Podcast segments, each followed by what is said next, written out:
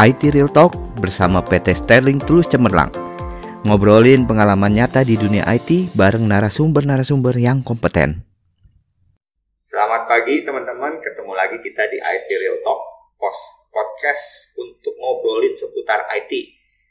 Kali ini eh, kita akan ngobrol bareng Pak Franky Christian. Ya, Pak Franky Christian, selamat pagi Pak. Pagi, pagi. Ya, kita ngobrol lagi, ketemu lagi di Koze Cafe di daerah Gading Serpong. Eh, Pak Franky ini kalau saya lihat nih di LinkedIn-nya ya cukup banyak, cukup aktif. Ya, beliau co-founder dari Daya Cipta Solusi Group. Ya, saya lihat dia banyak aktif banget di eh, eh, asosiasi-asosiasi.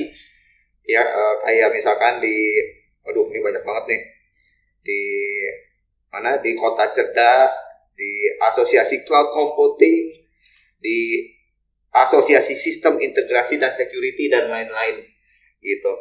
Oke, eh, Pak Pengki, hari ini kita rencananya mau ngobrol-ngobrol tentang sistem integrator ya.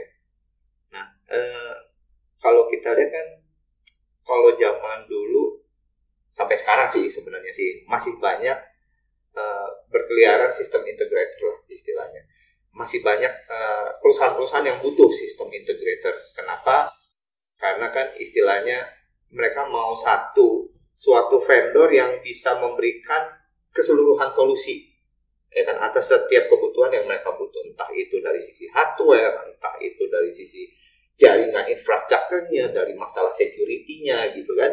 Nah kira-kira menurut Pak Pengki itu seperti apa ya yang sekarang ini sistem integrator itu Pak Pengki kecenderungannya gitu kan Pak Pengki Iya, baik. Terima kasih Pak Riki. Jadi kalau yang kita ya kebetulan eh, coba jalani pada waktu saya masih sebagai user, kemudian pindah menjadi eh, SI company gitu ya. Nah itu kita melihat ada tren di mana sekarang ini mungkin eh, dari dulu sampai sekarang mungkin customer akan selalu tetap berusaha mencari eh, partner, ya, mencari vendor eh, terbaik yang bisa mensupport, memberikan eh, produk dan eh, solusi yang terbaik buat dia. Nah kalau kita lihat perjalanannya itu sebetulnya kalau dulu nanti apa kalau dulu kita kenalnya istilahnya ada ada reseller. Iya. Jadi kalau reseller ini biasanya ngambil barang dari distributor atau kalau dulu ada istilahnya master dealer Hmm. ya atau jadi dealer gitu ya. Hmm. Jadi kebanyakan mereka eh, konteksnya ini ngambil produk eh, barang khususnya. Hmm. Ya sekarang ini juga bukan cuma barang sih ada software juga kan ya. Ada Iya. software yang memang eh, diambil. Tapi kalau reseller ya artinya sama seperti istilahnya. Jadi hanya menjual Jual barang. menjual saja gitu Oke. ya. Jadi Ah. resell gitu kan, Mhm. reseller. Termasuk juga misalnya eh, dealer gitu kan. Mhm. Kalau di IT dulu ada istilahnya eh, master dealer Hmm. atau master reseller gitu ya. Jadi memang eh, ngambil barang kemudian jual.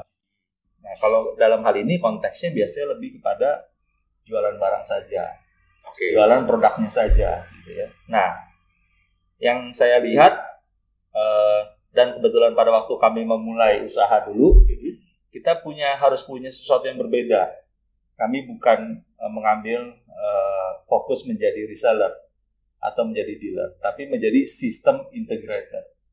Nah, sistem integrator ini yang mungkin eh, dulu tidak banyak, tapi sekarang menurut saya jauh lebih banyak nih sekarang. Hmm. Nah, Karena makin banyak juga perusahaan-perusahaan. yang perusahaannya makin melihat- banyak, melihat perusahaan peluangnya IT makin ya. banyak, peluangnya tentu makin banyak gitu kan. Nah, yang membuat berbeda antara eh, perusahaan yang tadinya hanya dealer ataupun reseller saja menjadi sistem integrator adalah eh, mereka harus memiliki eh, dukungan teknis, pengetahuan lebih ya terkait dengan produk dan solusinya. Nah, sistem integrator juga kadang-kadang diminta lebih jauh, jadi mereka harus bisa mengeksplorasi banyak hal. Oke, Nah, nggak ini cuma nggak cuma yang di yang seputaran itu, tapi Betul. dia harus tahu sesuatu yang mungkin area yang mungkin agak nyenggol-nyenggol dikit gitu kali Agak ya. luas lah, agak Ah. luas gitu. Jadi kalau misalnya dia jual barang A, mungkin dia harus tahu barang A ini bisa digunakan buat apa saja satu. Kemudian mungkin siapa saja yang sudah menggunakan gitu kan. Nah berikutnya mungkin nextnya barang A ini bisa dikembangkan sejauh mana misalnya seperti itu. Jadi sistem integrator itu juga pasti akan ditantang sama si uh, customer untuk bisa uh, lebih jauh mengeksplor misalnya karena biasanya customer kan tuh sudah punya produk existing gitu kan, hmm. sudah punya sistem existing gitu kan. Nah, gimana produk yang baru, solusi yang baru ini bisa saling terintegrasi. Nah, ini ini peran seorang sistem integrator. Karena memang di dalam perusahaan walaupun istilah kata suatu ketika dia harus ada peremajaan gitu ya, tapi di satu titik memang mereka juga tetap harus mencoba bagaimana supaya tetap efisien ya, supaya apa yang sudah mereka miliki nggak langsung jadi ya udah kebuang percuma ya. gitu, tapi masih bisa dipakai. Ya kalau contohnya kalau kayak server lah, server lama jadi storage server gitu kan server barunya buat application servernya dan gimana caranya supaya si SI ini bisa ya meng, meng, meng, menghubungkan lah ya iya. menggunakannya yeah. kembali yeah. gitu ya nah tapi kalau yang sekarang kan memang uh, si customer si perusahaan itu sendiri kan juga sebenarnya bisa ya Pak Fenki ya dia sekarang kan maksudnya marketplace banyak gitu ya marketplace banyak vendor-vendor hardware juga berkeliaran istilah katanya mereka bisa kasih jor-joran gitu kan. Apakah si company ini pasti uh, selalu belinya sama si SI untuk produk-produknya gitu Pak Peki? Atau mungkin si SI-nya cuma menjual jasanya doang gitu kan? Nah mungkin menurut saya kita dalam masa di mana uh, ada kecenderungan itu. Hmm. ya jadi pertama kita lihat mungkin kalau Pak Riki perhatikan mungkin lima tahun yang lalu marketplace belum terlalu booming. Kalau sekarang kan booming sekali. Hmm. Nah sekarang kita sedang masuk ke fase di mana marketplace untuk B2B akan booming. Atau B2B B2B.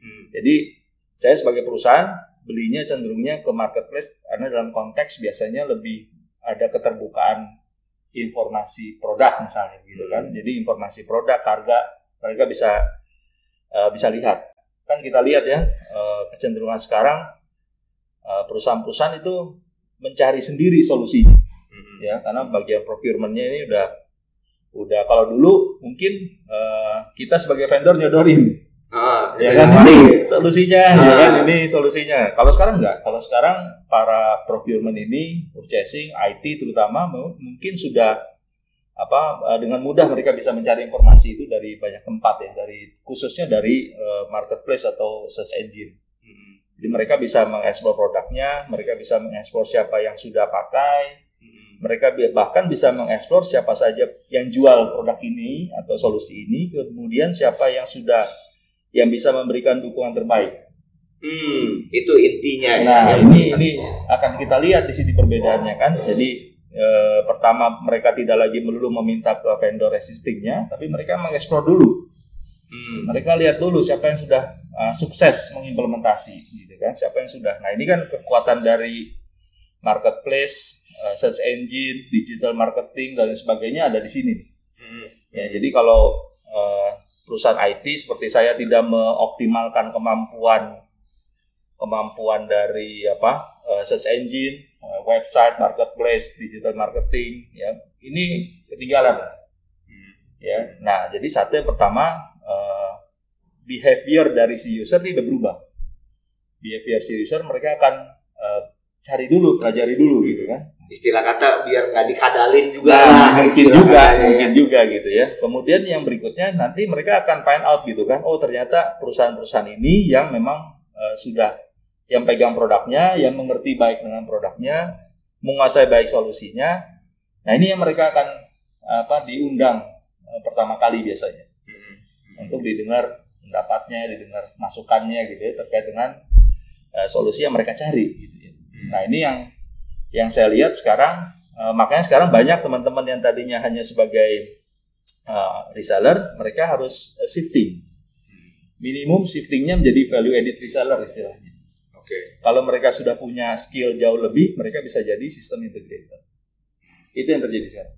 Jadi memang uh, makin ke sini gitu ya, uh, semakin apa ya, mereka dituntut lah ya, si sistem integrator ini semakin dituntut ya untuk bisa lebih memberikan sesuatu, bukan cuma jualan, tapi juga harus bisa memberikan sesuatu yang continuous istilahnya Ya, ya, ya. berkesinambungan. Karena memang kalau kita di dalam IT ya, kalau boleh saya bilang memang kita itu antara vendor dan customer memang butut-bututnya lama-lama jadi partner juga sebenarnya ya. Iya. Istilahnya kita mereka bisa maju, perusahaan bisa maju gitu kan. Pasti nanti bentuk-bentuknya juga kita harus support. Kita harus selalu bisa memberikan support yang kesinambungan. Seperti itu ya Pak Pengki ya. Iya. Oke oke kalau begitu.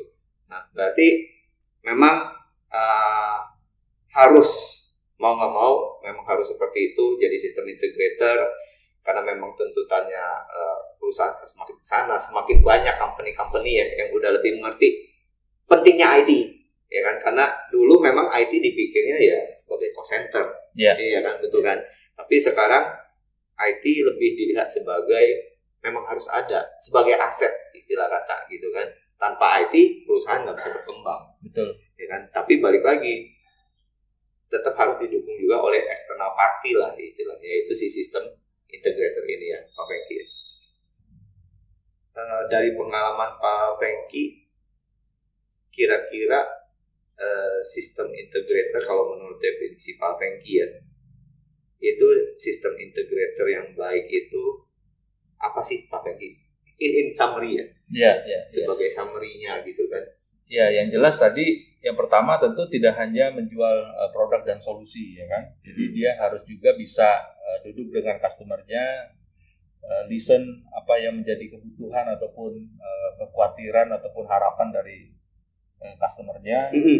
Kemudian mungkin juga bisa memberikan arahan wawasan gitu ya. Jadi Hmm. suatu uh, solusi atau produk yang memang mereka sudah implementasikan bisa berkembang sejauh mana oke karena dalam konteks tertentu biasanya eh, ini yang membuat berbeda ya kalau di dalam sistem integrator itu ada beberapa posisi yang mungkin kalau kita kenalnya mungkin sebagai pre-sales gitu ya Hmm. tapi ada juga yang mungkin jauh lebih kompleks jadi ada solution architect misalnya Hmm. mungkin juga ada consultant gitu ya di Hmm. dalam itu jadi ada ada sesuatu hal yang berbeda ya. jadi eh, sistem integrator eh, pastinya eh, akan sangat dibutuhkan sih saat ini Gitu ya.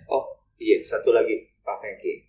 Kalau itu kan dari tadi kita ngomongin dari sisi sistem integratornya itu sendiri, dia harus bisa seperti apa, gitu kan? Ada tips nggak? Gimana tips and triknya untuk bisa mereka mencari SI yang cocok, yang sesuai dengan kebutuhan mereka, Pak Fengki? Ya, ya tetap tadi clue-nya yang pertama tentu mesti melihat uh, produk dan solusi apa yang mereka jual gitu kan. Hmm. Kemudian lihat uh, kelengkapan dari timnya mereka.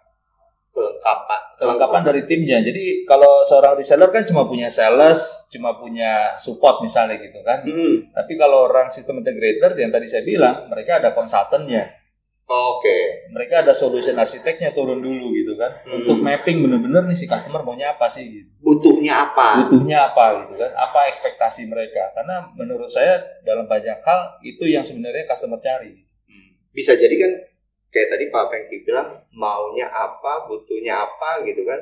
Karena terkadang customer nggak tahu ya ini yang mereka mau atau mereka Atau- yang butuh. Bisa Betul. jadi mereka mau cuma karena eh kayaknya keren tuh pakai itu. nah Kayak gitu ya. atau Padahal memang tetangganya pakai iya gitu ya. Padahal mungkin jadi nggak Iya. ya nggak butuh-butuh banget lah Iya. istilahnya gitu ya.